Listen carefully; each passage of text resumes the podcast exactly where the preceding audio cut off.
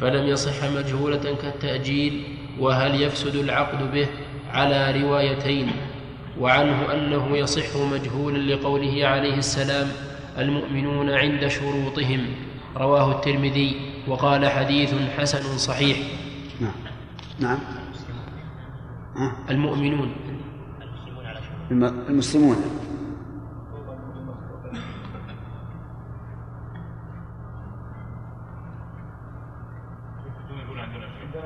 ها؟ كيف؟ ها؟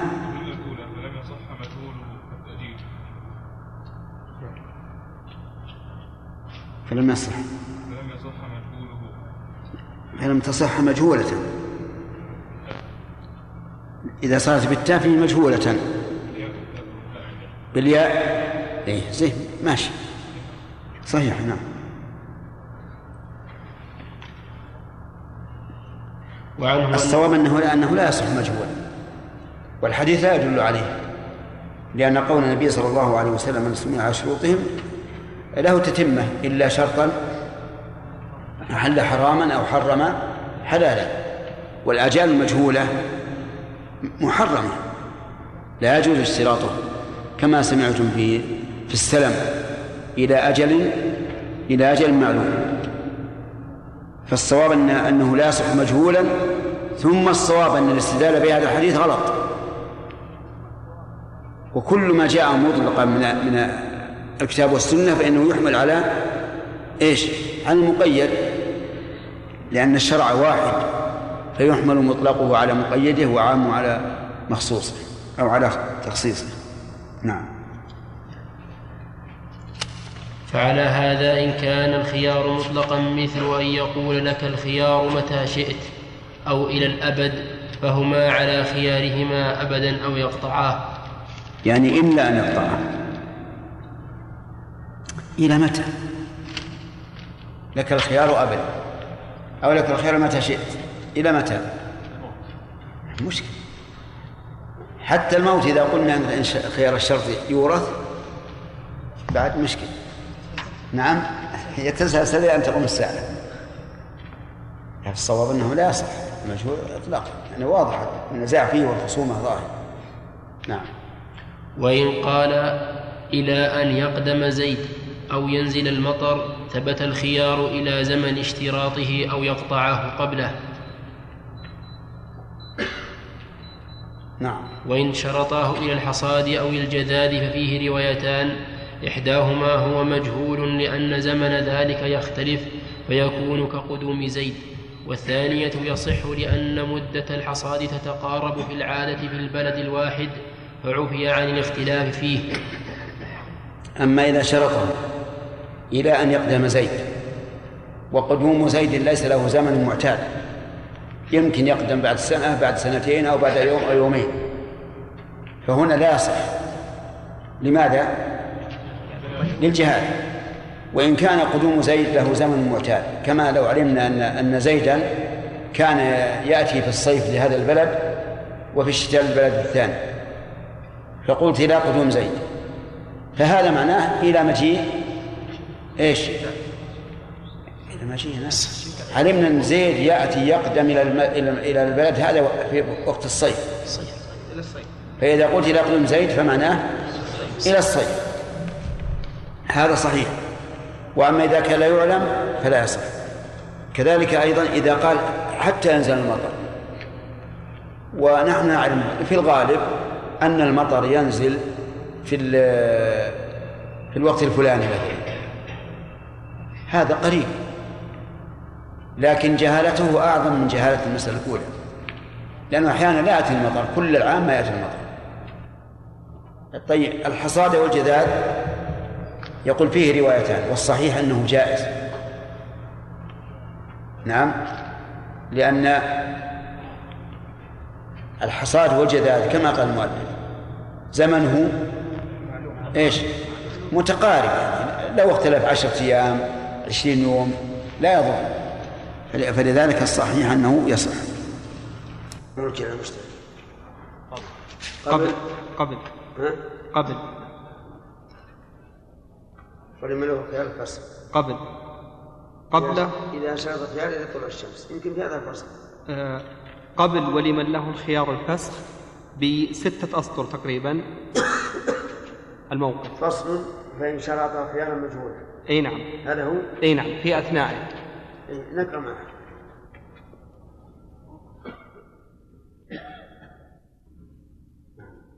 الصوت حسن الله إليك. نعم. الصوت بسم الله الرحمن الرحيم. الحمد لله رب العالمين والصلاة والسلام على أشرف الأنبياء والمرسلين نبينا محمد وعلى آله وأصحابه أجمعين. أما بعد فقد قال الموفق أبو محمد رحمه الله تعالى في كتاب الكافي باب الخيار في البيع فصل فإن شرطا خيارا مجهولا لم يصح لأنها مدة ملحقة بالعقد فلم يصح مجهولا فلم يصح مجهوله كالتأجيل وهل يفسد العقد به؟ على روايتين وعنه أنه يصح مجهولا. رحمكم الله. وعنه أنه يصح مجهولا لقوله عليه السلام المؤمنون عند شروطهم.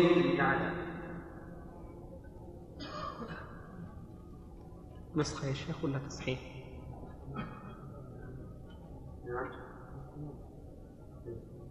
لكن على شروط أنه قال عند شروط عند عند آه، معروف على شروط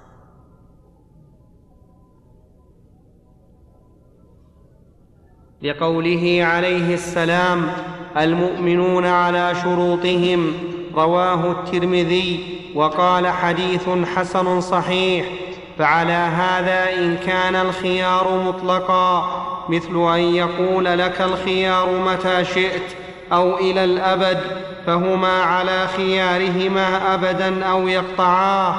وإن قال إلى أن يقدم زيد أو ينزل المطر ثبت الخيار إلى زمن اشتراطه أو يقطعاه قبله.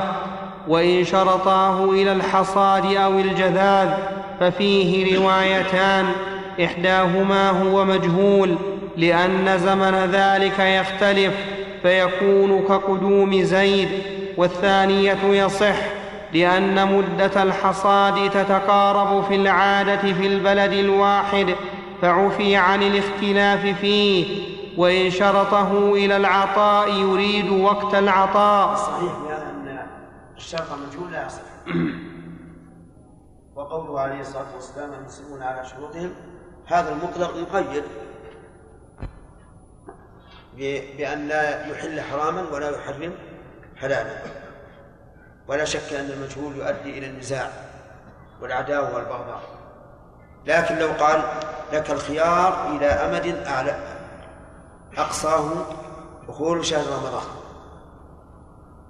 يعني وجعله مفتوحا. فهذا لا بأس به. لأن حقيقة الأمر أنه معلوم. وكذلك إذا قال إلى أن يقدم زيد وكان له عادة بالقدوم كإنسان معروف أنه يبقى في بلد ستة أشهر وفي بلد آخر ستة أشهر فهذا جائز لأنه معلوم وكذلك إذا قال إلى الحصاد والجذاذ لأن مدته معلومة والخلاف فيه متقارب وحينئذ يؤخذ بالوسط يعني لا بأول الحصاد ولا بآخر الحصاد وإن شرطه؟ وإن شرطه إلى العطاء يريد وقت العطاء صح لأنه معلوم. وإن أراد نفس العطاء فهو مجهول لأنه يتقدم ويتأخر. وإن شرط الخيار شهرا يوما وإن شرط الخيار شهرا يوما يثبت ويوما لا. وإن شرط الخيار شهرا يوما يثبت ويوما لا ففيه وجهان أحدهما يثبت في الأو في اليوم الأول لأنه معلوم يلي العقد ويبطل فيما بعده لأنه إذا لزم لم يعد إلى الجواز ويحتمل أن يبطل الشرط كله لأنه شرط واحد فإذا فسد في البعض فسد في الكل. ويحتمل معنى ثالثا وجها ثالثا وهو أن يقال إذا كان اليوم الذي يثبت به الخيار هو اليوم الذي الذي يلي العقد فلا بأس. يعني يصح في اليوم الأول. وإن كان غير معين فإنه لا يصح لأنه قد يكون اليوم الأول ليس فيه خيار. نعم. وش اللي غير واضح؟ صورة المسألة أن يقول بيتك هذا لي الخيار عشرة أيام. يوم يثبت ويوم لا يثبت. هذا لا يصح. لأنه إذا إذا ثبت في اليوم الأول ثم جاء الثاني ولم يثبت معناه انقطع الخيار. فلا يعود مرة ثانية. لكن هل هل يبطل من أصله أو يبطل فيما عدا اليوم الأول؟ ذكر فيه الخلاف.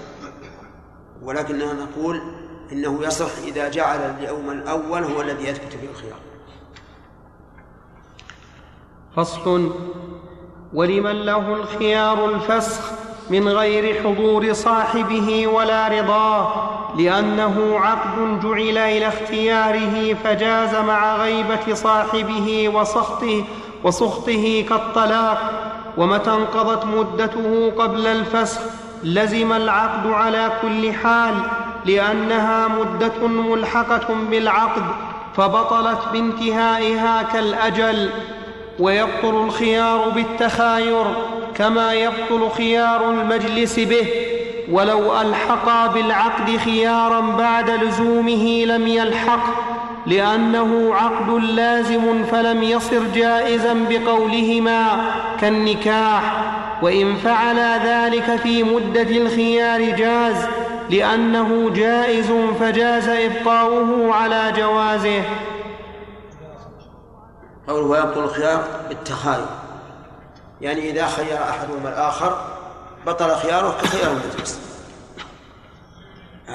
وكذلك أيضا و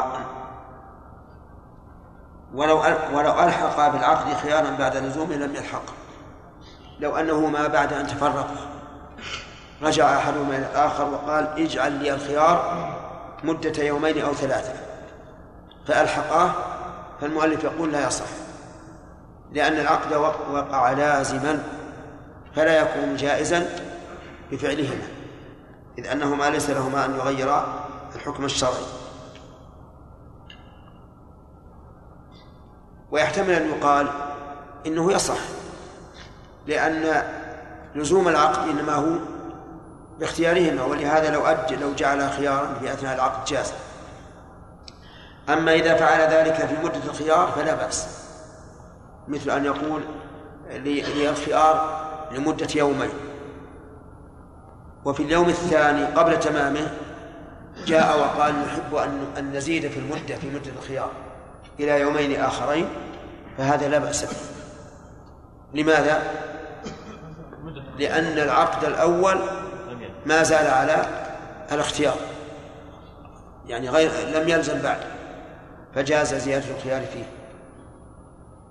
وكما قلت لكم إن الذي يظهر أنهما إذا اتفقا ولو بعد التفرق ولو بعد لزوم البيع على أن يكون لهم الخيار لمدة يومين أو ثلاثة فلا بأس لأن الحق لهم. نعم. فصل وينتقل الملك إلى المشتري في بيع الخيار بنفس العقد وعنه لا ينتقل إلا بعد انقضائه لأنه عقد قاصر لا يفيد التصرف فلم ينقل الملك كالهبة قبل القبض. والأول ظاهر المذهب لأن البيع سبب لنقل الملك فنقل عقيب فنقل عقيب فنقل عقيبه كالمطلق. فنقل عقيبه كالمطلق ولأنه تمليك فأشبه المطلق. وليس منع التصرف لقصور السبب بل لتعلق حق البائع بالمبيع. وما يحصل من غلة المبيع في مدة الخيار أو نمائه المنف. بل تعلق حق البائع بالمبيع؟ طيب. هذا فيه نظر لأن الحق بالخيار للبائع وللمشتري. والصواب أن الخيار إنما شرع من أجل الفسحة للبائع وللمشتري أن يفسخ العقد. لأنه إذا وجب العقد لا يمكن أن يفسخه. ولكن من رحمة الله تعالى أن جعل لهما حقا في تمديد الخيار. فهو في الحقيقة لمصلحة الطرفين. ولو أن وليت المؤلف رحمه الله ليته استدل بالحديث بدلا عن هذه التعليل التي قد تكون مسلمة وقد تكون غير مسلمة.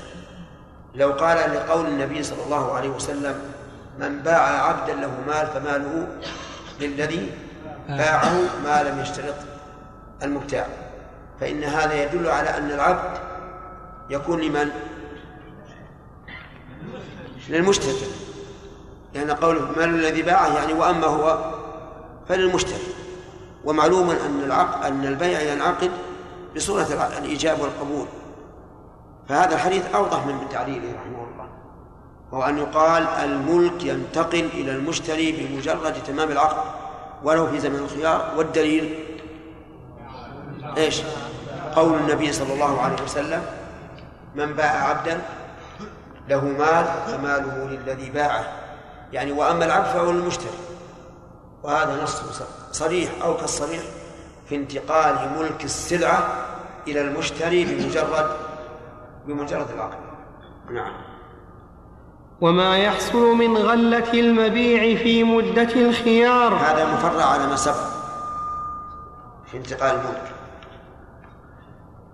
وما ينتقل بمجرد العقد أو بانتهاء مدة الخيار؟ نعم. وما يحصل من غلة المبيع في مدة الخيار أو نمائه المنفصل فهو للمشتري سواء فسخ العقد أو أمضياه لأنه نماء ملكه الدا لأنه نماء ملكه الداخل في ضمانه فيدخل في قوله عليه السلام الخراج بالضمان وع...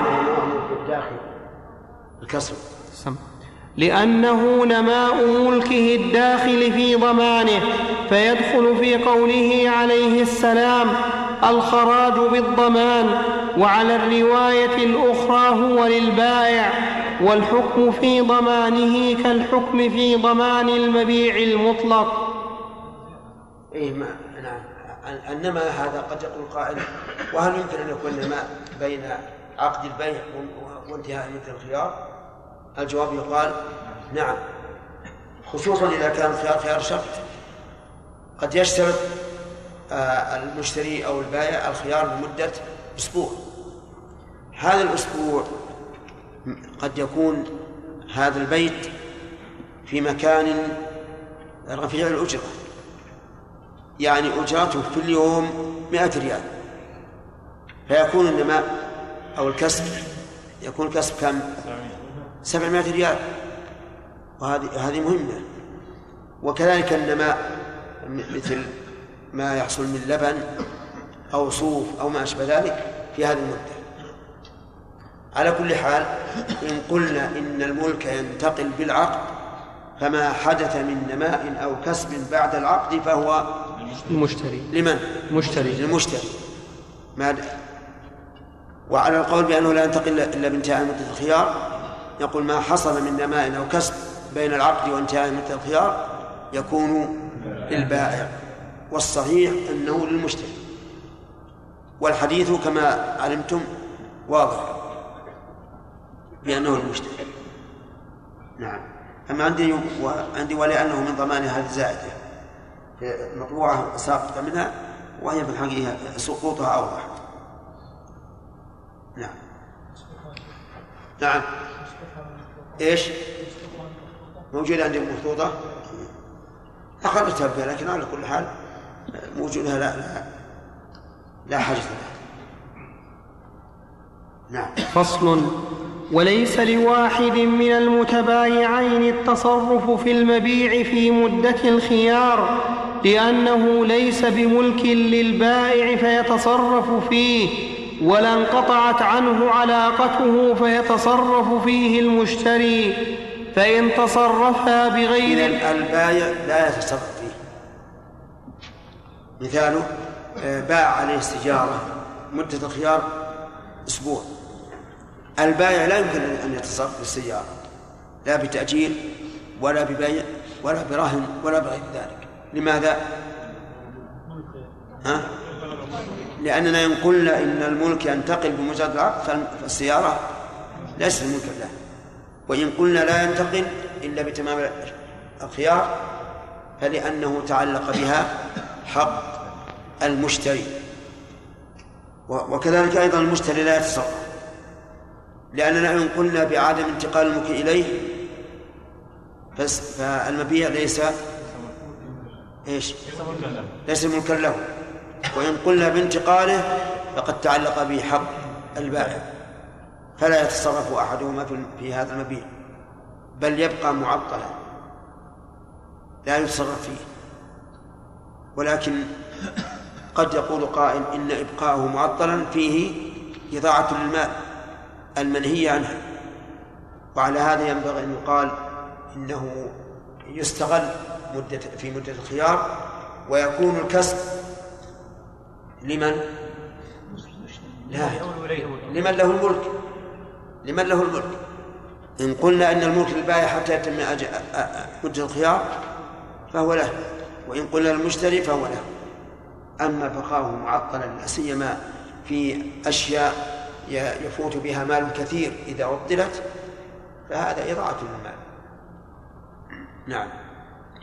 فإن تصرفا بغير العتق لم ينفذ تصرفهما لذلك وعنه في تصرف المشتري. قوله بغير العتق سيأتينا إن شاء الله التفصيل فيه. لكن الصواب أن العتق كغيره وأنه إذا منع التصرف في غير العتق منع في العتق من باب أولى لأن العتق يقع عبادة. وإذا قلنا أن التصرف حرام فهل يمكن أن يتقرب إلى الله بما حرمه الله؟ لا يمكن. فالصواب أن أن جميع التصرفات على ما على قاعدة المذهب لا تجوز ولا تصح. نعم. وعنه في تصرف المشتري أنه موقوف إن فسخ البائع بطل وإن لم يفسخ صح. لعدم المبطل له ذكرها ابن أبي موسى. وإن كان الخيار للمشتري وحده صح لذلك. وإن هذا قول وجيه. أن المشتري إذا باعه مثلا فإننا نقف.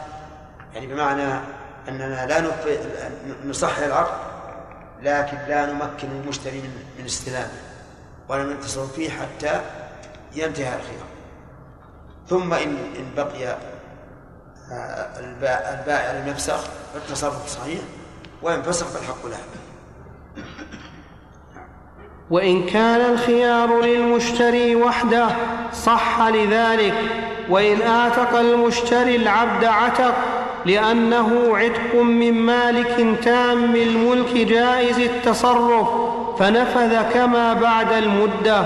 فإن قلنا الملك للبائع نفذ عتقه ولا ينفذ عتق من لا ملك له لأنه عتق من غير مالك فأشبه الأجنبي.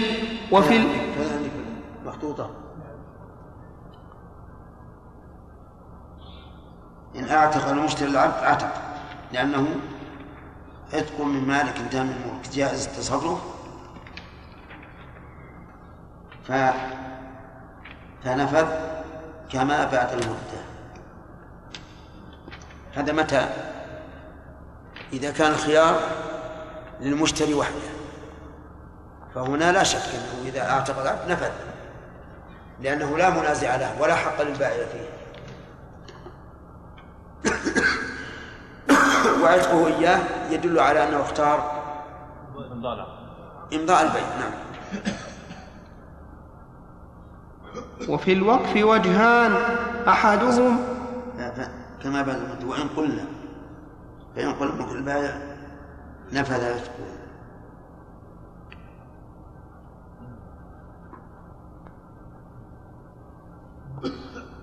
يعني على الرواية الثانية التي تقول إن أن الملك للبائع فإذا كان الملك له نفذ عتقه ولا ينفذ عتق من لا ملك له. يعني هذا في فيما إذا إن قلنا إنه لا ملك للمشتري في مدة الخيار لم ينفذ وإن قلنا لا ملك للبائع لم ينفذ وعلى هذا فينفذ من قلنا إن الملك له. لكن الصحيح أنه إذا كان الخيار للطرفين فإنه لا ينفذ عتق المشتري. ولو كان مالكا. لماذا؟ لتعلق حق البائع فهو كالمرهون كما أن المرهون لا يصح للراهن أن يعتقه فكذلك هذا الذي فيه الخيار. نعم. وفي الوقف وجهان أحدهما هو كالعتق لأنه تصرف يبطل الشفعة والصحيح أنه لا والصحيح الا ينفذ. لأنه نسخة. لا بدون أن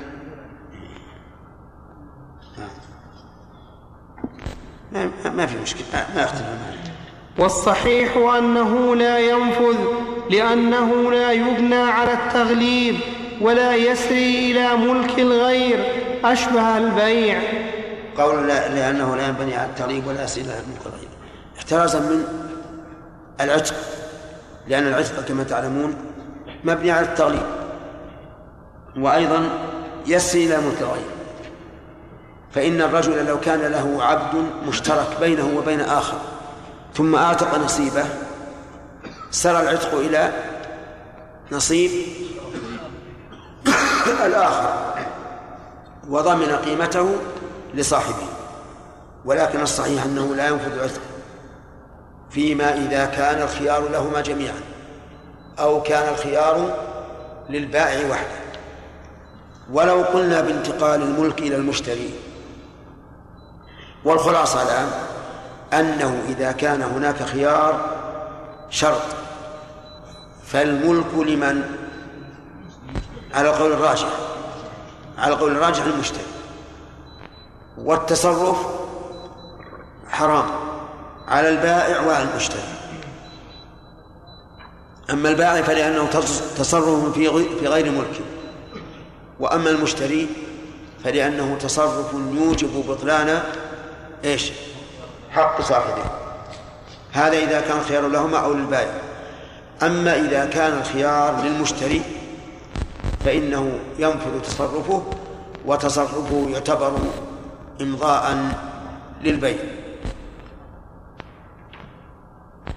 نعم انتهى الوقت أما بعد فقد قال الموفق أبو محمد رحمه الله تعالى في كتاب الكافي باب الخيار في البيع فصل فإن وطئ المشتري الجارية فلا حد عليه ولا مهر فإن ولدت منه فالولد حر ولا تلزمه قيمته وتصير أم ولد لأنه وطئ مملوكته. وإن وطئ البائع فعليه المهر لأنه وطئ في غير ملك.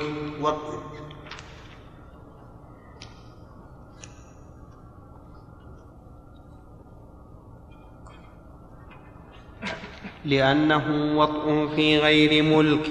وإن علم التحريم فولده رقيق لأنه لا يلحقه نسبه كما بعد المدة.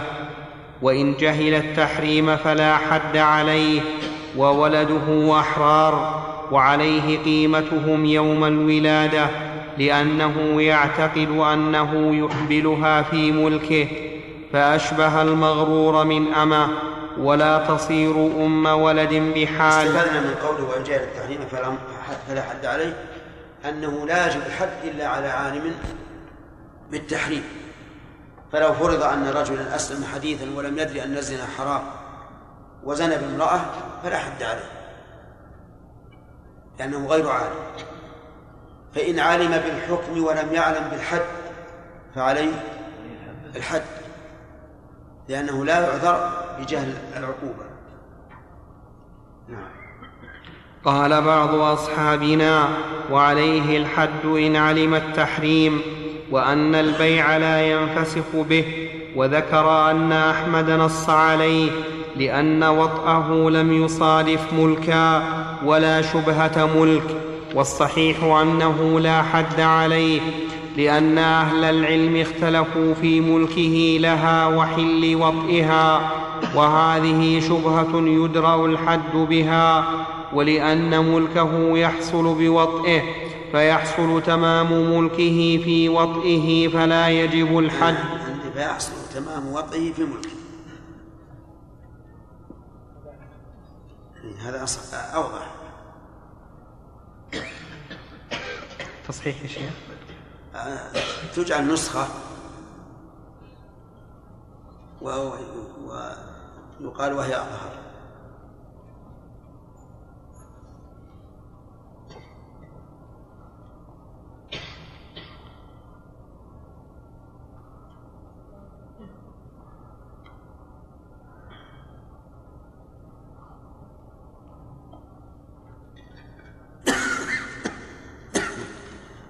ولأن ملكه يحصل بوطئه فيحصل تمام وطئه في ملكه فلا يجب الحد به. وإن قلنا بالرواية الأخرى انعكست هذه الأحكام. الرواية الأخرى أن الملك ملك لمن؟ للبائع.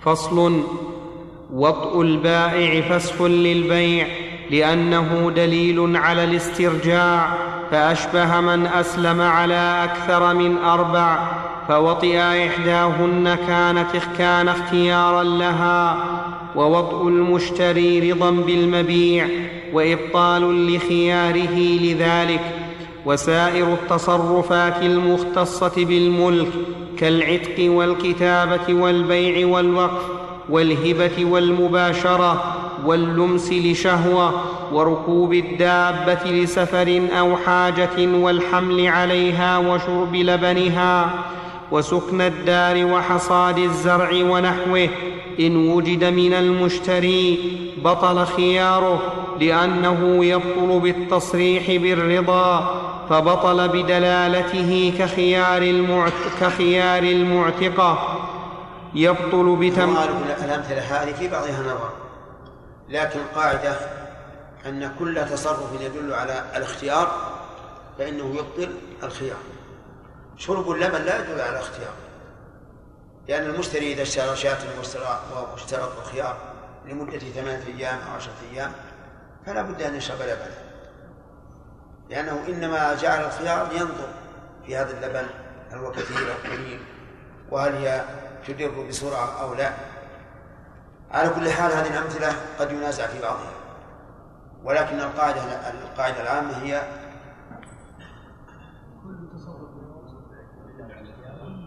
وجهته كل تصرف يدل على الاختيار فهو نصف للخيار نعم. لأنه يبطل بالتصريح بالرضا. فبطل بدلالته كخيار المعتقة يبطل بتمكينها زوجها من وطئها وإن تصرف البائع بذلك ففيه وجهان أحدهما هو فسخ للبيع لذلك والآخر لا يكون فسخا لأن الملك انتقل عنه فلم يكن تصرفه استرجاعا كمن وجد ماله عند مفلس فتصرف كمن وجد ماله عند مفلس فتصرف فيه. وقال أبو الخطاب هل يكون تصرف البائع فسخا للبيع وتصرف المشتري رضا بالبيع وفسخا لخياره على وجهين؟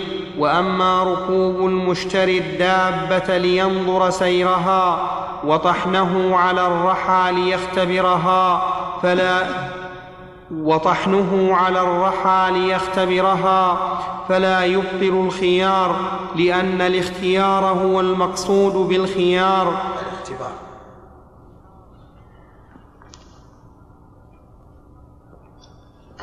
لأن الاختبار هو المقصود بالخيار وإن استخدم العبد ليختبره لم يبطل خياره لذلك وإن استخدمه لغير ذلك ففيه روايتان إحداهما يبطل خياره لأنه تصرف منه أشبه الركوب والثانية لا يبطل لأن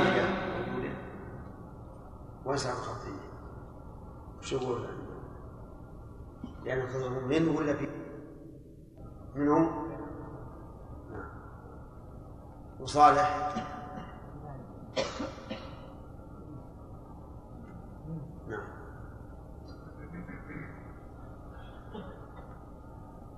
والثانية.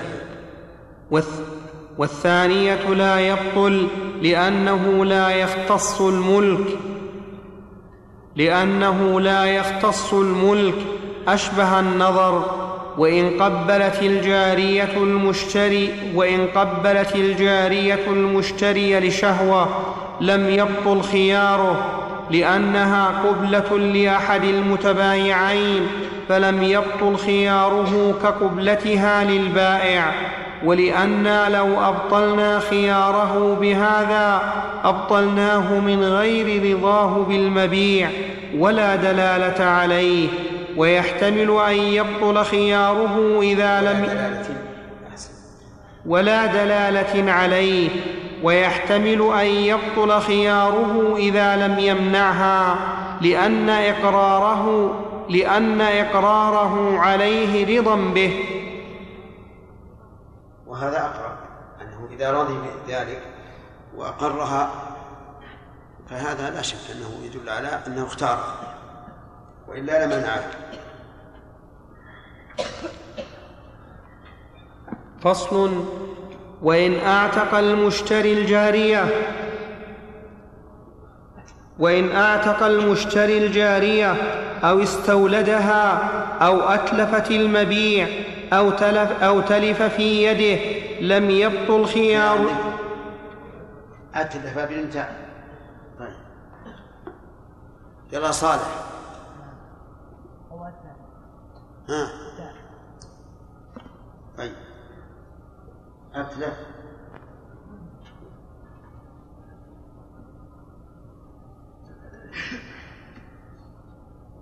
نعم. وإن أعتق وإن أعتق المشتري الجارية أو استولدها أو أتلف المبيع أو تلف في يده لم يبطل خيار البائع لأنه لم يوجد منه رضا بإبطاله وله أن يفسخ ويرجع ببدل المبيع وهو مثله إن كان مثليا وإلا قيمته يوم أتلفه وعنه أن خطي.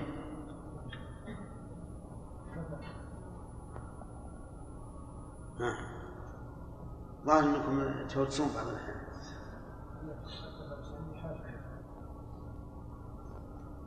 وهو مثل كان مثليا وإلا قيمته يوم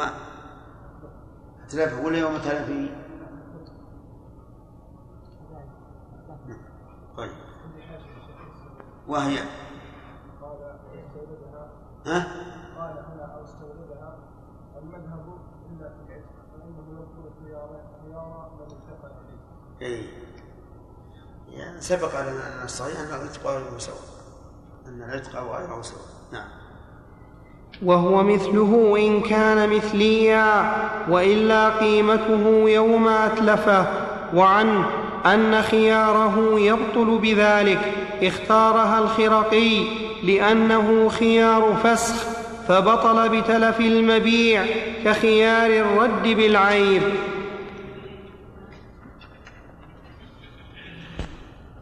فصل وإن مات أحد المتبايعين بطل خيار بطل خياره ولم يثبت لورثته لأنه حق فسخ لا يجوز الاعتياض عنه فلم يورث كخيار الرجوع في الهبة ويتخرج أن يورث قياسا على الأجل في الثمن. وإن جن أو هذا هو الصحيح. الصحيح أنه إذا مات في خيار الشرط فإنه يورث. أما إذا مات في خيار المجلس فإنه لا يورث لأنه بطل بالتفرق فإن الموت أعظم تفرق. وإن جن أو أغمي عن تفصيل هذا هو الصواب. أن خيار الشرط موروث وخيار المجلس لا يورث والفرق ظاهر لأن خيار المجلس يبطل بتفرقهما. ولا فرقة أعظم من الموت.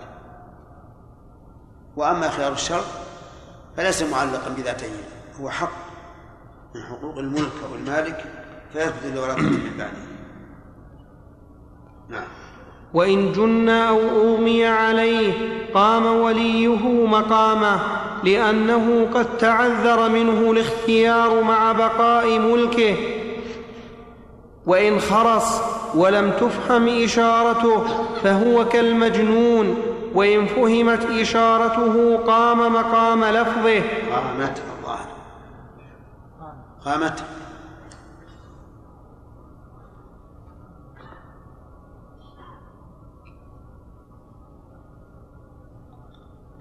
وإن فهمت إشارته قامت مقام لفظه.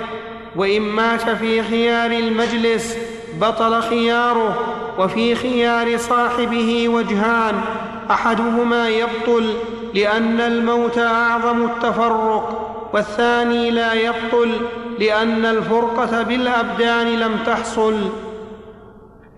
الصواب الأول انه الخيار وخيار صاحب. نعم. أعظم الفرق. يجوز هذا. جاوبت السؤال ها؟ لا ما جاوبت السؤال. هو باقي هو لا في أثناء. ها؟ لا. كيف؟ الأسئلة في أثناء الدرس ليست في آخره. الأسئلة في أثناء الدرس وليست في آخره. هذا الأصل. طيب وجاء الآن؟ إيه خرجوا تقولوا لازم نقرأ الصفحة يوم إيش؟ أو قرينا لكن الأخوان مو بيسألون. أقول الأخوان ما ما رأيت أحد منهم سأل. الآن هذا يسأل. هل له الحق؟ أي نعم. نعم.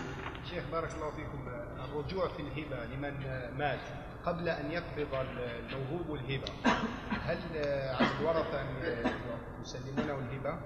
إذا مات الواهب قبل أن يقبض الموهوب الهبة. نعم بطلت الهبة. نعم. هذه العبارة ما فهمتها. وهي؟ لأنه يبطل في فصل وقت الباع فسخ للبيع. لأنه يبطل بالتصريح بالرضا فبطل بدلالته كخيار المعتقة. قوله كخيار المعتقة. المعتقة. المعتقة.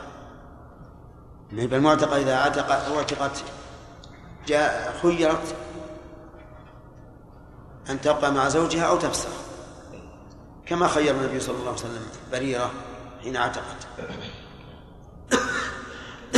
فهمتها؟ نعم.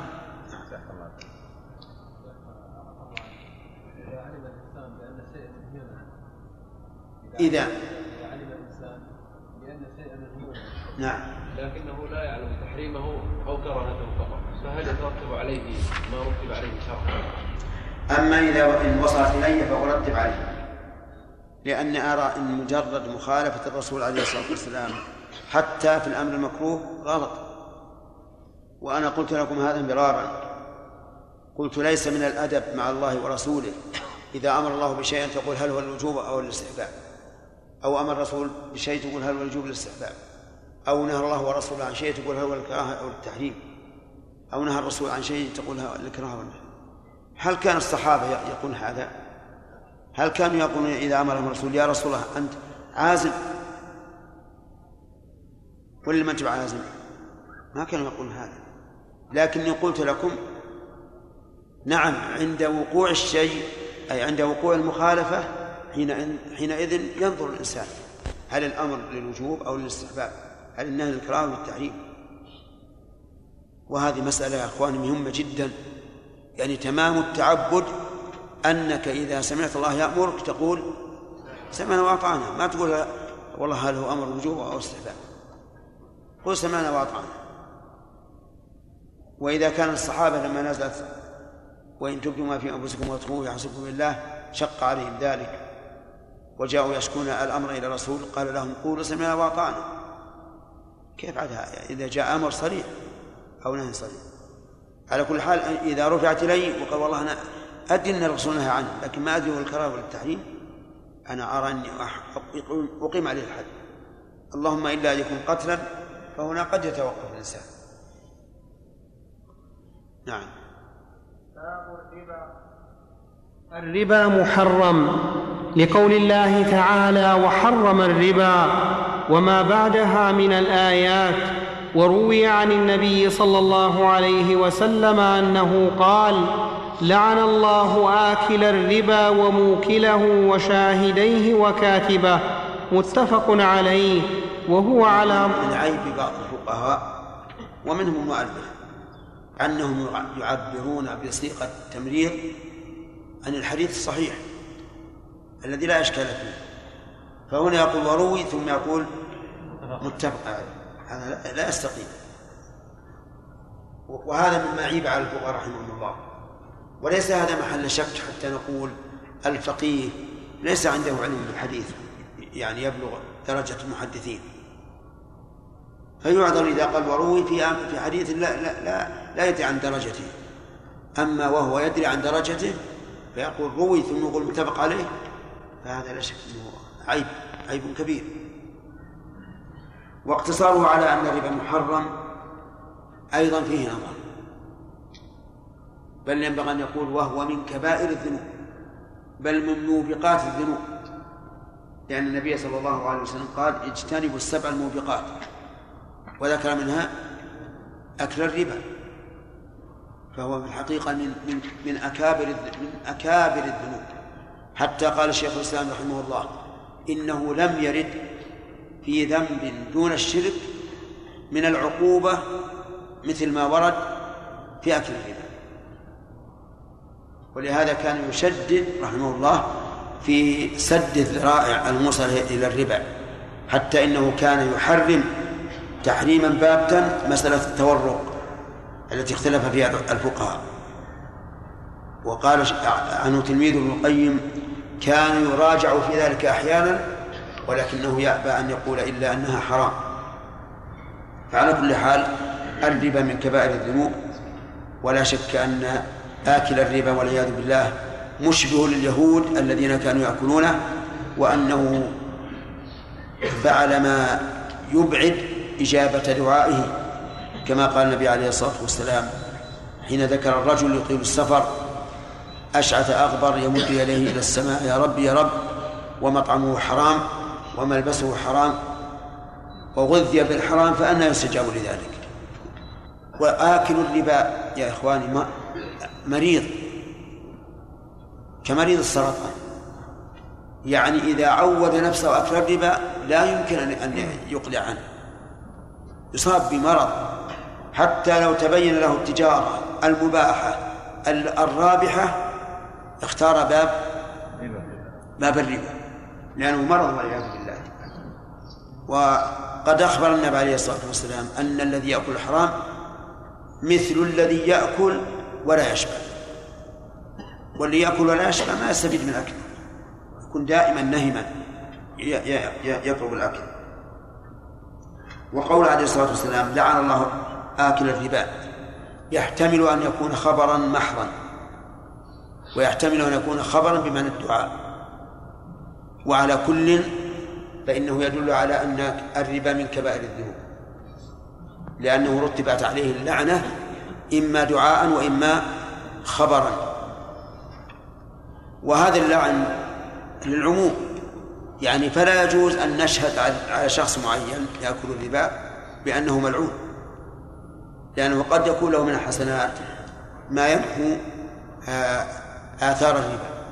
لكن نقول على سبيل العموم وهكذا يقال في كل نصوص الوعيد وكل نصوص الوعد. أن أن تقال على التعميم لا على إيش؟ لا على التعيين. فمثلا نحن نقول كل من آمن وعمل صالحا فله جنات المأوى نزلا. لكن هل نقول لشخص معين نراه مؤمنا يعمل الصالحات إنه من أهل الجنة؟ لا. إلا من شهد له الرسول صلى الله عليه وسلم. وهذه مسألة يجب على طالب العلم أن ينتبه لها. ثم ذكر المؤلف أن الربا على ضربين. نعم. وهو على ضربين ربا الفضل وربا النسيئة. طيب الربا واضح. أنه انتفع به انتفاعا دنيويا. موكلة خسر. موكل الربا هو الذي يعطي الربا هو خسران. فكيف كان ملعونا؟ مساويا لآكله كما جاء في آخر الحديث وقال هم سواء. نقول لأن كونه يوكل الربا يدل على رضاه على رضاه به وإعانته عليه. ومن أعان على فعل فهو كفاعله. شاهديه لأنهما أيضا لأن شهادتهما أيضا تدل على رضاهما به وعلى إثباته. وكذلك يقال في الكاتب لأنه يدل إذا كتب الربا دل على رضاه به وعلى ثبوته بكتابته. هل يستفاد من هذا الحديث أن الكاتب لا يكون شاهدا؟ لأنه قال شاهدين وكاتبا لا لا يدل على هذا. يدل على أنه الإثبات يكون بشاهدين وكاتب. ولكن يجوز أن يكون الشاهد أحد الكاتبين. نعم. أي نعم يجوز أن يكون الكاتب أحد الشاهدين. نعم. انتهى الوقت انتهى قال المؤلف رحمه الله تعالى وهو على ضربين. في تنبيه بالحاشية يقول جاء في هامش الأصل هذا الحديث لم يخرجه لم يخرجه البخاري وإنما هو من أفراد مسلم وهو من رواية جابر. قلت وهذا صحيح وقول متفق عليه وهو من المسلمين المصلين. نعم. فهمتم الآن؟ أي نعم. الحديث رواه مسلم. نعم. لا ما صح قال وهم من المؤلف.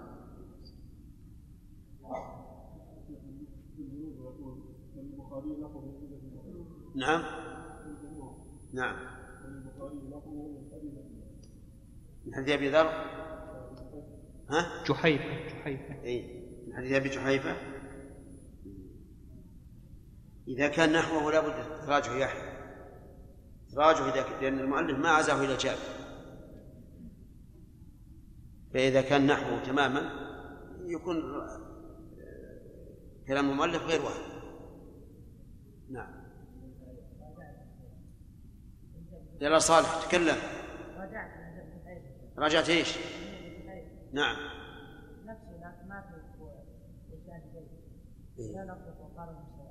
ها؟ ولا ذكر الكاتب والشاهد هذا هو اللي جعل ابن حجر يقول نحو على كل حال بهذا اللفظ ما رواه.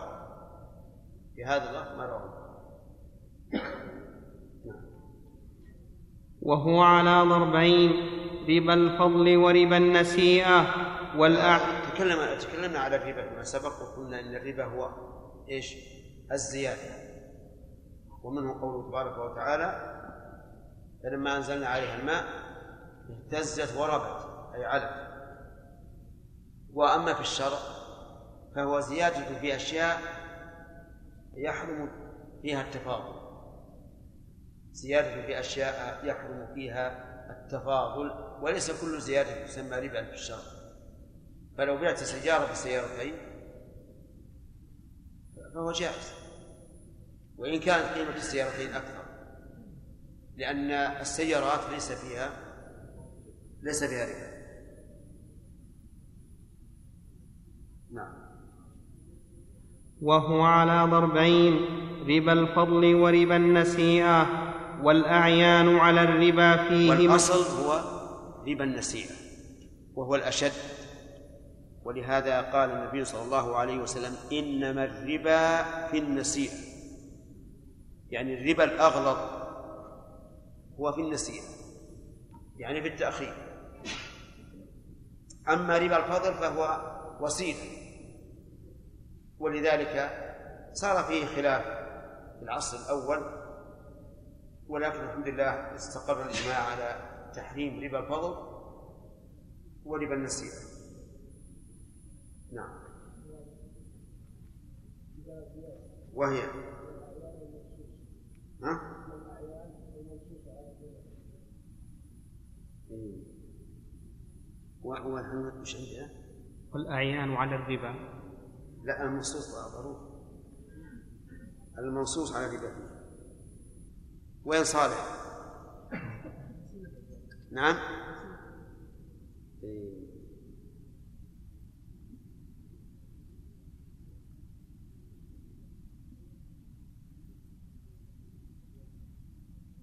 فيه رأي صالح بالنسبة لمسلمك عشان ما تنسى ناخذ نسختك هذه. حتى تضطر إلى الاتيان بالأصل؟ توافق على هذا؟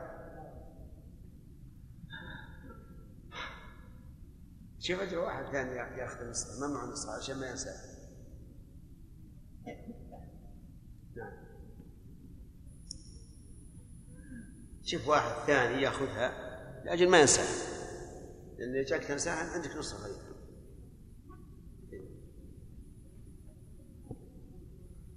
والأعيان المنصوص على الربا فيها ستة مذكورة في حديث عبادة بن الصامت عن النبي صلى الله عليه وسلم أنه قال: الذهب بالذهب مثلا بمثل، والفضة بالفضة مثلا بمثل، والتمر بالتمر مثلا بمثل، والبر بالبر مثلا بمثل، والشعير بالشعير مثلا بمثل، والملح بالملح مثلا بمثل، من زاد أو ازداد فقد أربى. بيعوا الذهب بالفضة كيف شئتم يدا بيد وبيعوا البر بالتمر كيف شئتم يدا بيد وبيعوا الشعير بالتمر كيف شئتم يدا بيد. رواه مسلم. قوله عليه الصلاة والسلام الذهب بالذهب مثلا بمثل. ظاهره ولو اختلف في المعيار. كواحد وعشرين وأربعة وعشرين. وذلك لأن الخلط المذكور الموجود في الذهب خلط لإصلاحه كخلط الملح في البر ونحوه. فالنبي عليه الصلاة والسلام أطلق أن الذهب بالذهب مثلا بمثل. فإذا قال قائل لا يمكن الإنسان أن يبيع ذهبا بذهب وهو دونه في المعيار قلنا بلى يمكن. يكون مثل هذا الحلي أحسن في الصنعة من الحلي الآخر وأقل منه بالنسبة للمعيار. فتكون زيادته بالصنعة مقابل لزيادته بالمعيار وهما وهما سواء وأيضا هذا الخلط ليس خلطا مقصودا لذاته. وإنما هو مقصود لإصلاح الذهب وتقويته لأن الذهب كما يقولون إذا لم يكن فيه الخلط من النحاس فإنه يكون لينا لا يستقيم. وكذلك يقال بالفضة. التمر بالتمر أيضا. لا يزاد أحد الجزئين على الآخر ولو اختلف في المنافع والمذاق والبقية خذها على هذا. واختلفت الرواية في علة الربا ثلاث روايات فأشهرهن؟ ها؟ واختلف. اقرأ اللي عندك. نعم. إيش بعد؟ واختلفت الرواية في علة الربا فيها؟ ما فيها ثلاث روايات؟ حتى العبارة ركيكة ثلاث روايات واختلفت الروايات فيها في التي اختلف فيها. لو قال على ثلاث روايات صح لكن ثلاث روايات واختلفت الرواية.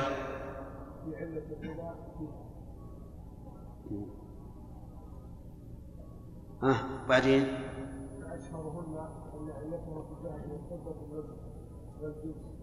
الله الله نعم. لعل الصواب واختلفت الروايات في عدة الربا فيها.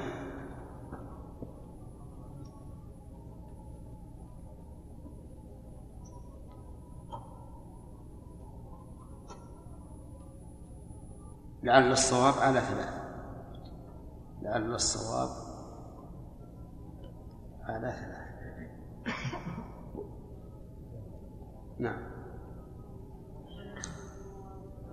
واختلفت الرواية في علة الربا فيها على, ثلا على ثلاث روايات فأشهرهن أن علته في الذهب والفضة. الإمام أحمد. عن الإمام أحمد نعم. فأشهرهن أن علته في الذهب والفضة الوزن والجنس وفي غيرهما الكيل والجنس لما روي عن عمار أنه قال العبد خير من العبدين والثوب خير من الثوبين فما كان يدا بيد فلا بأس به إنما الربا في النساء إلا ما كيل أو وزن ولأنه لو كانت العلة الطعم لجرى الربا في الماء لأنه مطعوم قال الله تعالى ومن لم يطعمه فإنه مني. فعلى هذا يحرم التفاضل أي يحرم التفاضل في كل مكيل أو موزون من جنس سواء كان مطعوما كالقطفيات أو غير مطعوم كالإشنان والحديد. يقول هو خطأ الدنيا والصحيح هو في في المطبوعة القطفيات بالفاء وهو خطأ والصحيح ما أثبتناه من الأصل. والقطنيات تشمل عددا كبيرا من الحبوب كالقمح والشعير والسلت والعدس والحمص والذرة الصفراء والبيضة والباقلة والكرسلة كرسنة وهي من علف الدواب ها؟ بالفاء ولا بالنون؟ إيه هي مصححة القطنيات نعم. ويجري الربا فيما كان جنسه مكيلا أو موزونا وإن تعذر الكيل فيه أو الوزن إما لقلته كالتمرة والقبضة وإما دون الأرزة من الذهب والفضة وإما لعظمه كالزبرة العظيمة. وإما للعالة كلحم الطير لأنه من جنس فيه الربا فجرى فيه الربا كالزبرة العظيمة.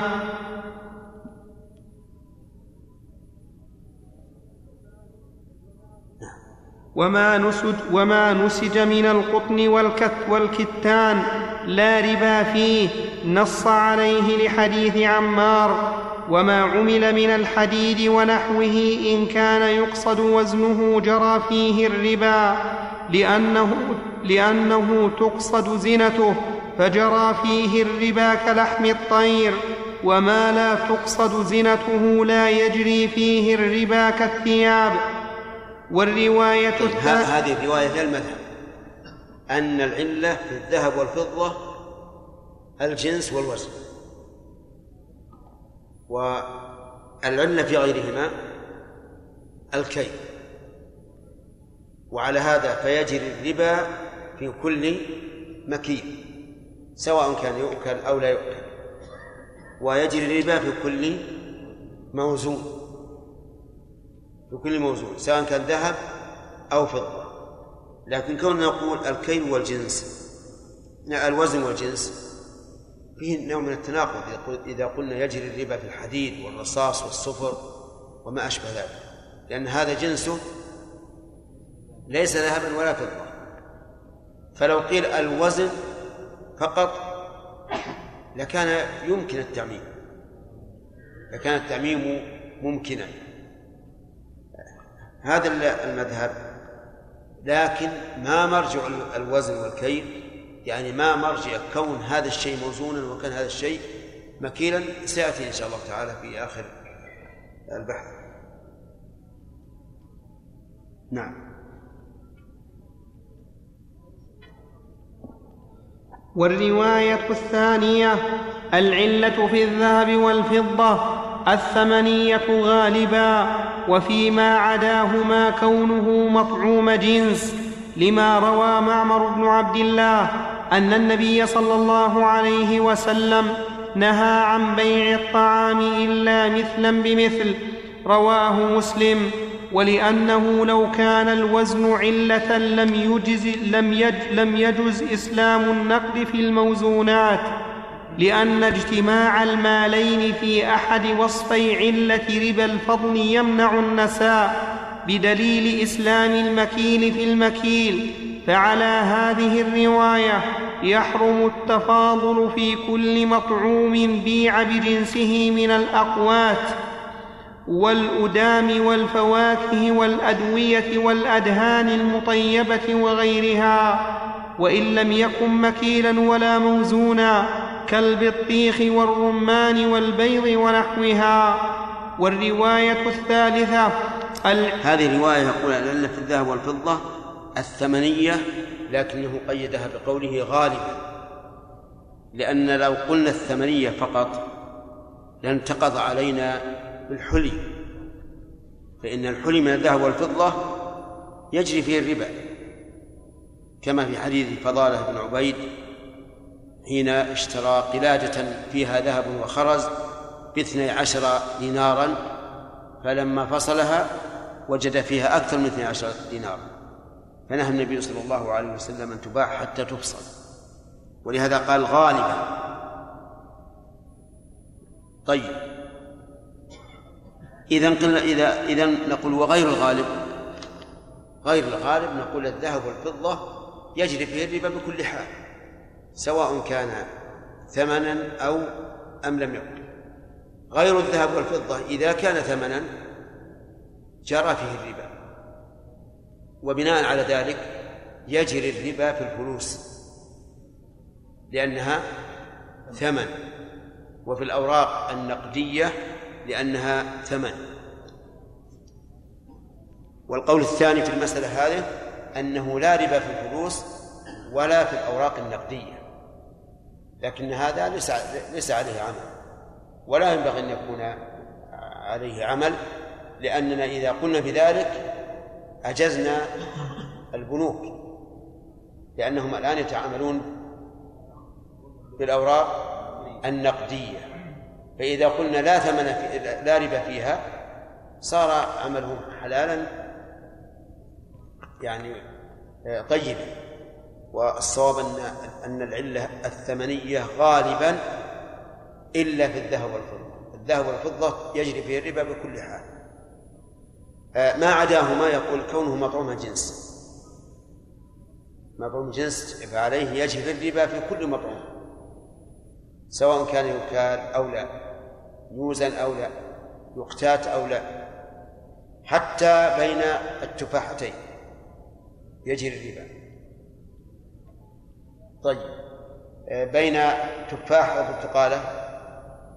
لا ما هي مطعومات لكنها ليست مطعوم جنس. هذه من جنس وهذه من جنس.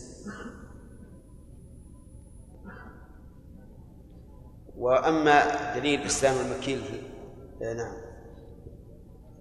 يقول لو كان الوزن علة لم يجز إسلام النقد في الموزونات.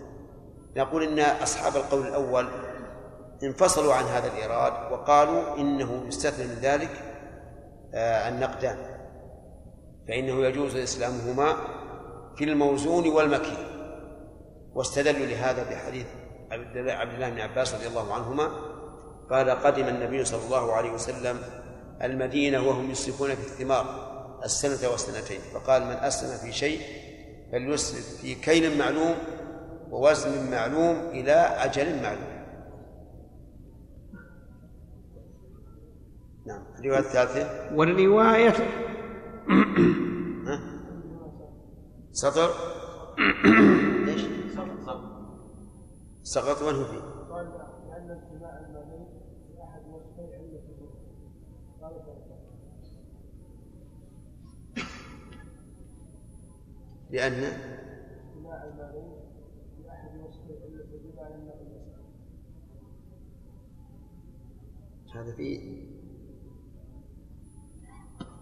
في الرواية الثانية؟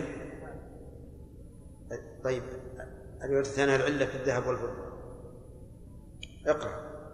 الرواية الثانية العلة الذهب والفضة ثمانية غالبة وفيما عداهما كونه مفعول الجنس لما روى لما روى معمر بن عبد الله أن النبي صلى الله عليه وآله وسلم نهى عن بيع الدراهم إلا مثلا بمثل رواه مسلم.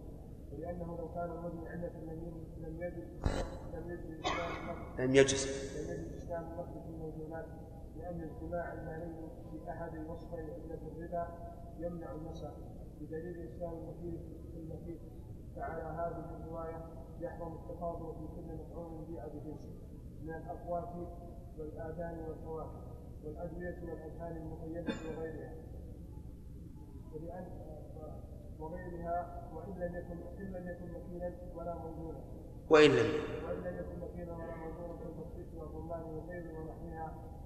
بس هذا هذا اللي وين؟ كلمة الفضل كلمة الفضل فقط. سقط سقطت من عنده كلمة الفضل لأن عندنا لأن اجتماع المالين في أحد وصفي علة ربا الفضل عندنا. إيه هو يقول الربا. أي. بس هو قال الربا. أي ولا عنده الفضل هذا اللي عندك فقط؟ إن عندنا ربا منكر مضاف إلى الفضل.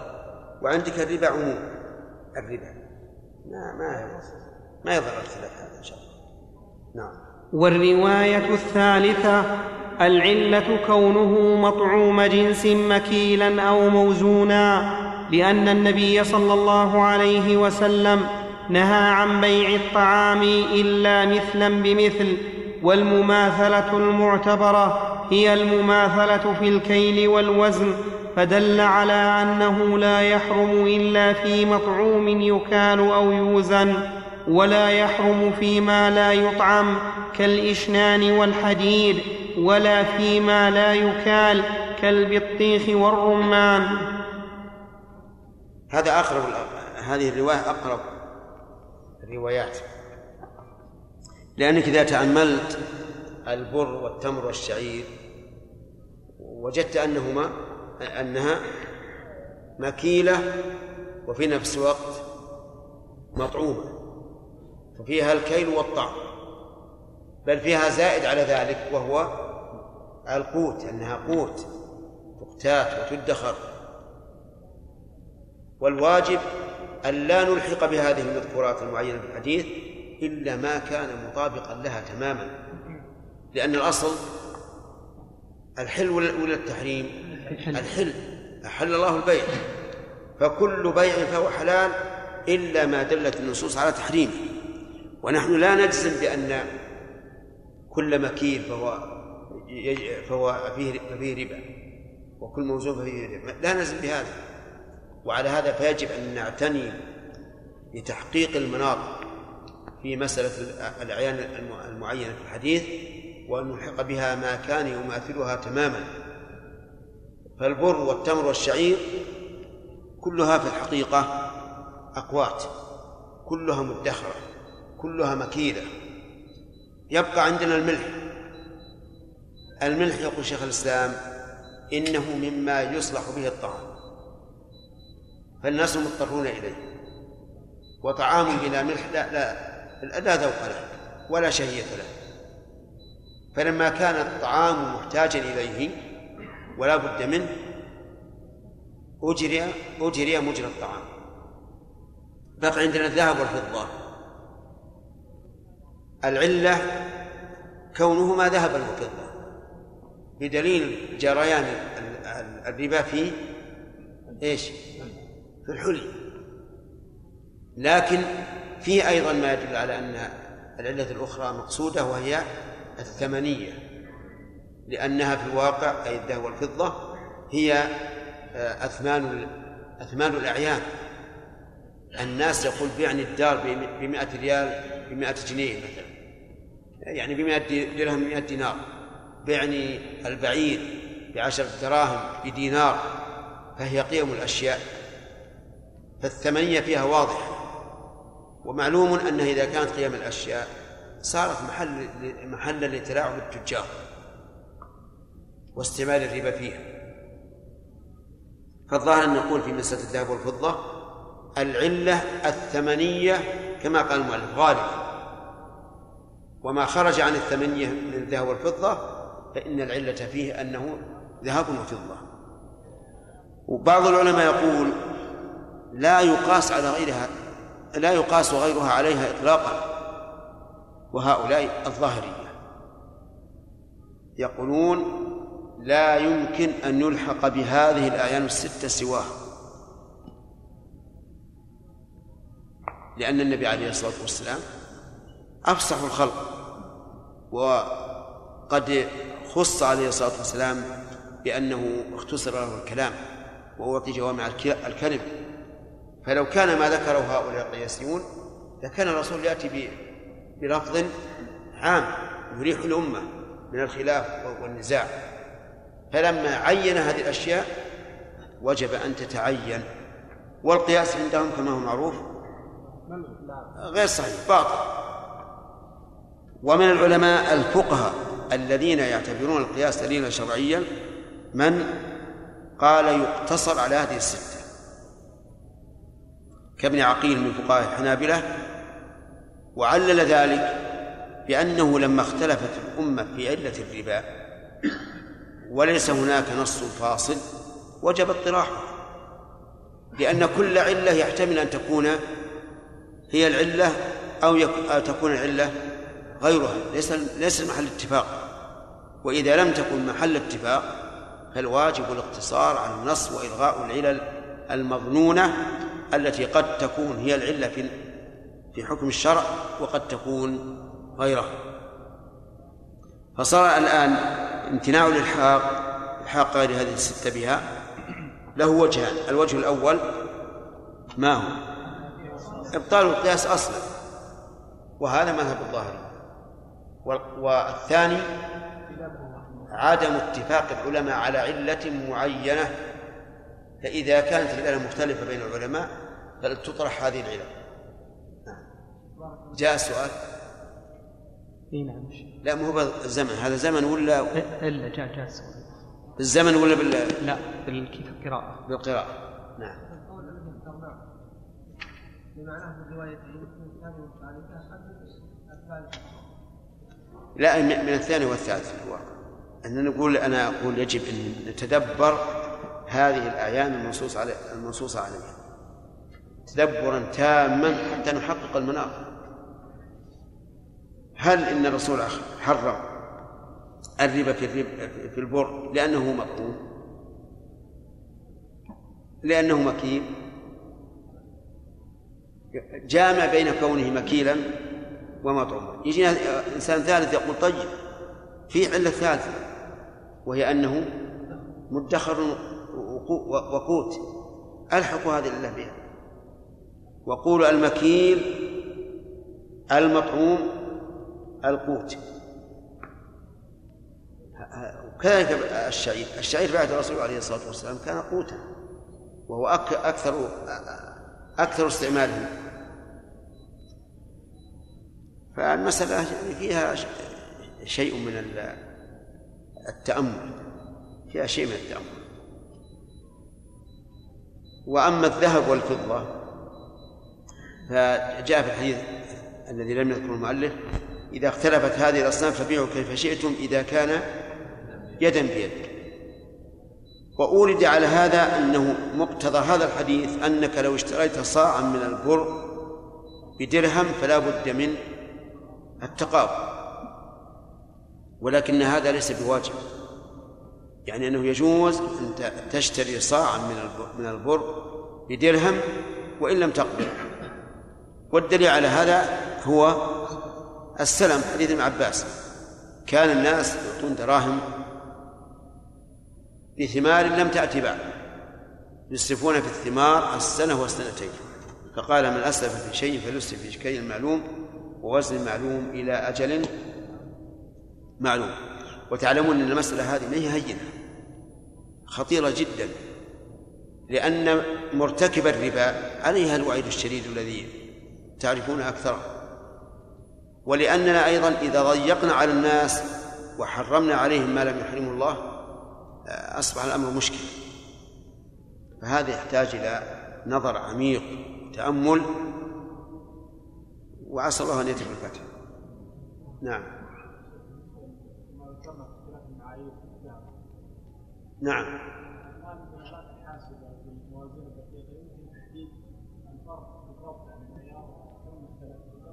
هذا لا يضر. يقول هذا كالملح في الطعام. لا أثر له. هذا ظاهر كلام ظاهر السنة وظاهر كلام العلم أنه لا فرق.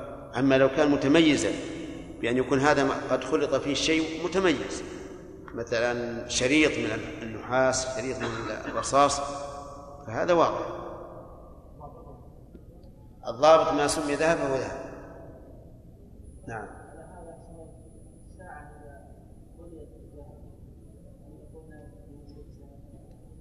هذه في نقول إذا طليت بشيء له جرم. فإنها تمنع من أن تباع بذهب. وإن كان ليس له جرم مجرد لون فلا بأس. لأن هذا مجرد زينة له نعم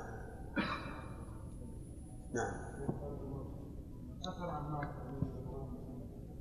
قال انه العبد خير من العبدين والثوب خير من الثوبين فما كان يدا بيد فلا بأس به. عن هذه الأصناف التي ذكرها ليست بزاوية. نعم. لكن في في في يقول العلماء أنه إذا بيع الشيء بشيء نسيئة جرى فيه الربا. نعم. ولم يكن ربويا نعم. وسيأتي إن شاء الله الكلام عليه نعم.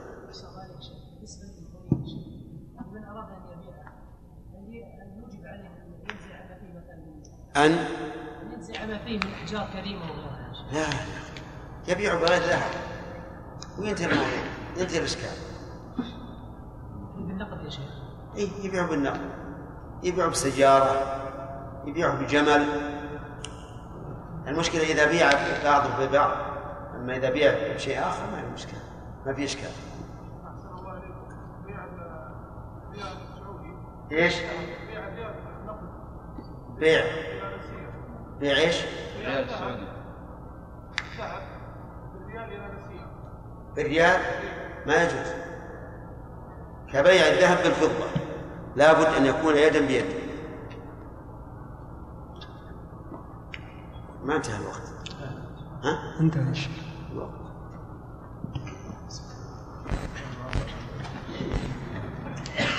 هذا مشكلة يا شيخ.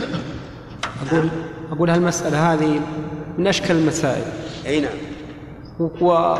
والناس وقوعهم فيها كثير والإشكالات فيها كثيرة جدا. الحقيقة ولهذا قلنا يعني, يعني لو لو قال قائل الشيخ بقول ابن عقيل إي. ما يرتاح ويريح؟ لا والظاهرية لا, لا تنساه فقد قال الموفق أبو محمد رحمه الله تعالى في كتاب الكافي باب الربا. فصل وما يجري فيه الربا اعتبرت المماثلة فيه في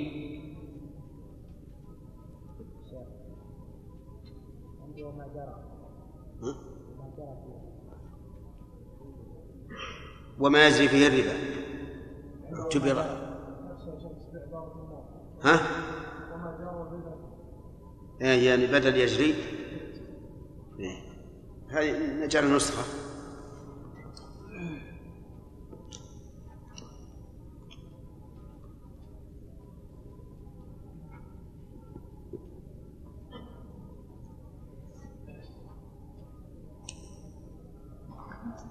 وما, وما يجري فيه الربا اعتبرت المماثلة فيه في المكيل كيلا وفي الموزون وزنا لقول النبي صلى الله عليه وسلم الذهب بالذهب وزنا بوزن والفضة بالفضة وزنا بوزن والبر بالبر كيلا بكيل والشعير بالشعير كيلا بكيل رواه الأثرم.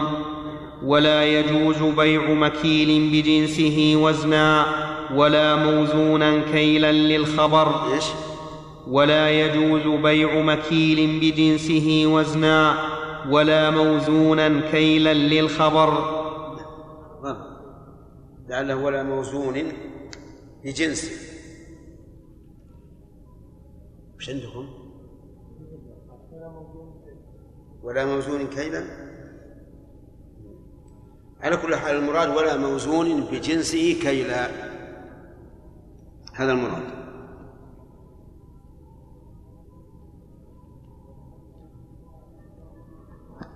ولأنه لا يلزم من تساويهما في أحد المعيارين التساوي في الآخر لتفاوتهما في الثقل والخفة ولا يجوز بيع بعضه. الآن المكيل إذا بيع بجنسه لا بد أن يكون البيع كيلا والموزون لا بد أن يكون وزنا. وزنا لأنه يختلف. قد يكون هذا البر دجنا ثقيلا. والآخر خفيفا فيكون نصف الصاع من هذا الدجن الثقيل يوازن صاع. صاع من هذا فلا تحصل المماثلة وكذلك يقال في الموزون إذا بيع كيلا. نعم. و... نعم. ها؟ لا في الثقل والخفة في النقل وإيش؟ ها؟ والخفة ولا والصفة؟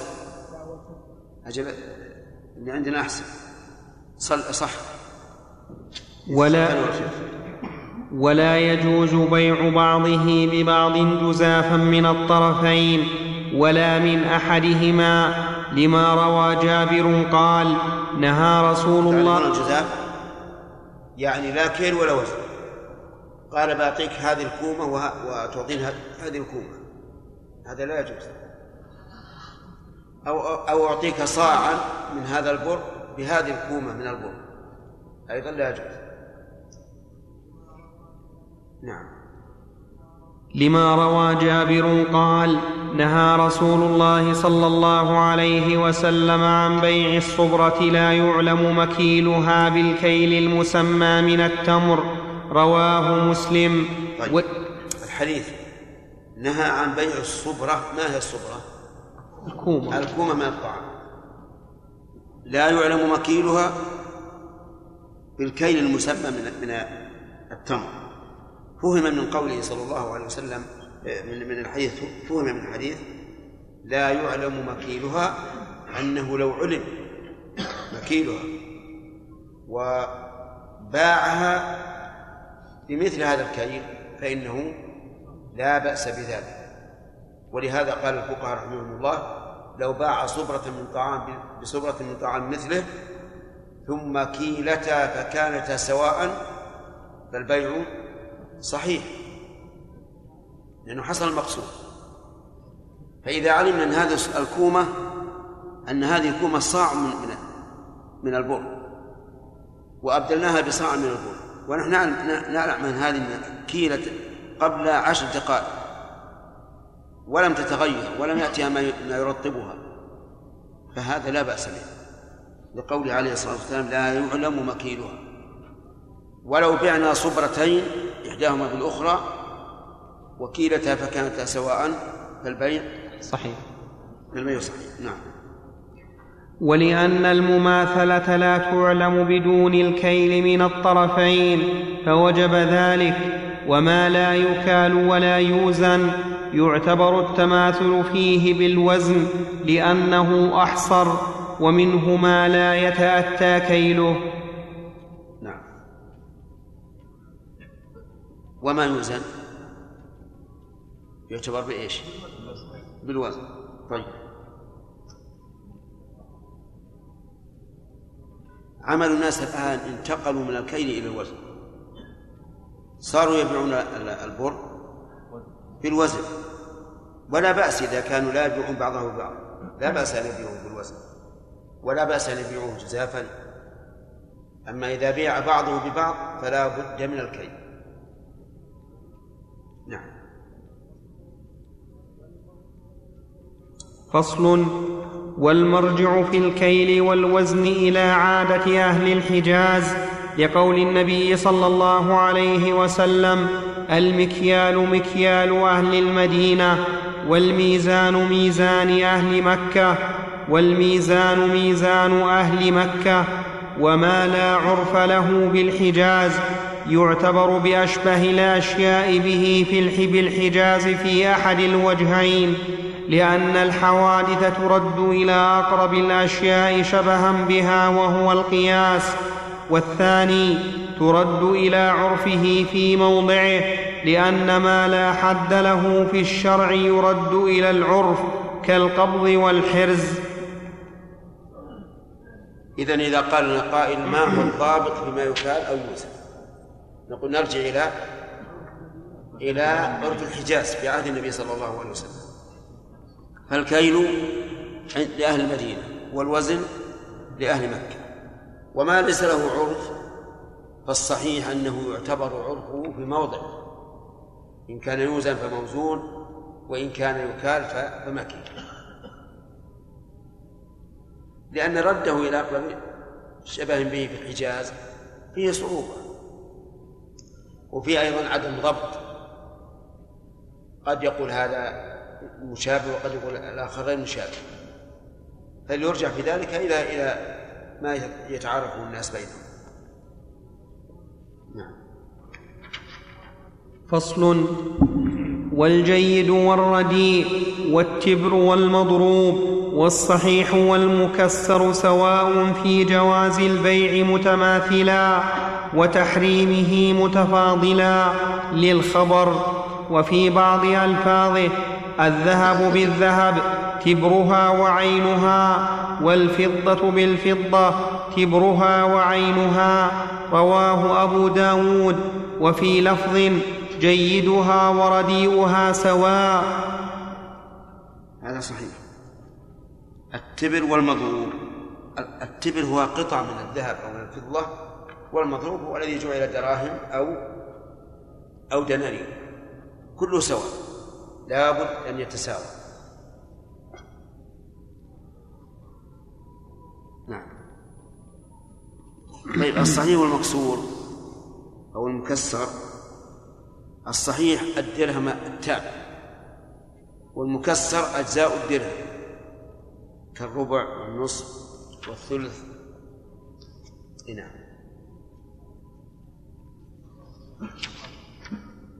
ما جاء سؤال؟ اي نعم. بارك الله فيكم.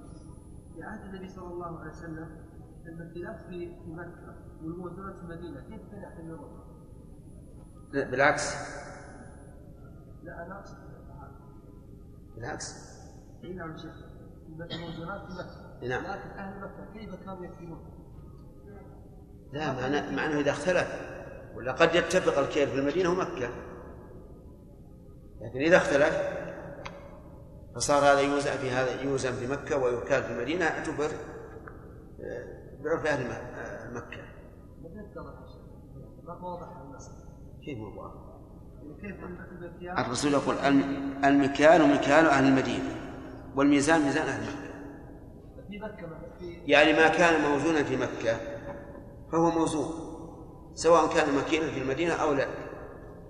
وما كان مكينا في المدينة فهو مكين سواء كان مكينا في مكة أو لا. وإذا اتفق يمكن اتفق يمكن يكون البر مكين في البلدين. والذهب موزون في البلدين.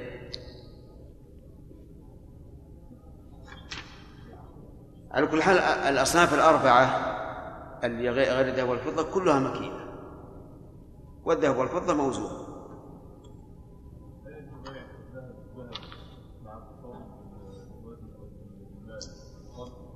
كيف؟ بيع الذهب مع أو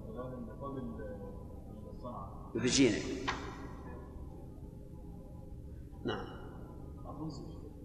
الآن يقال الوزن. هل يقال هل يقال إيش؟ هل يقال إيش؟ لا ربوي بلا شك.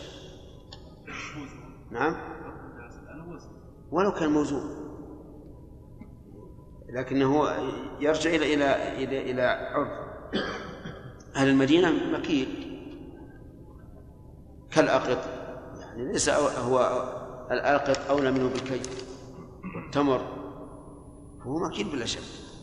حتى لو تبايعه الناس بالوزن فهو مكين. لو أردنا نبدل الرز برز لابد من المكيال. والمكيال يجب أي إناء ناخذ من هذا ومن هذا.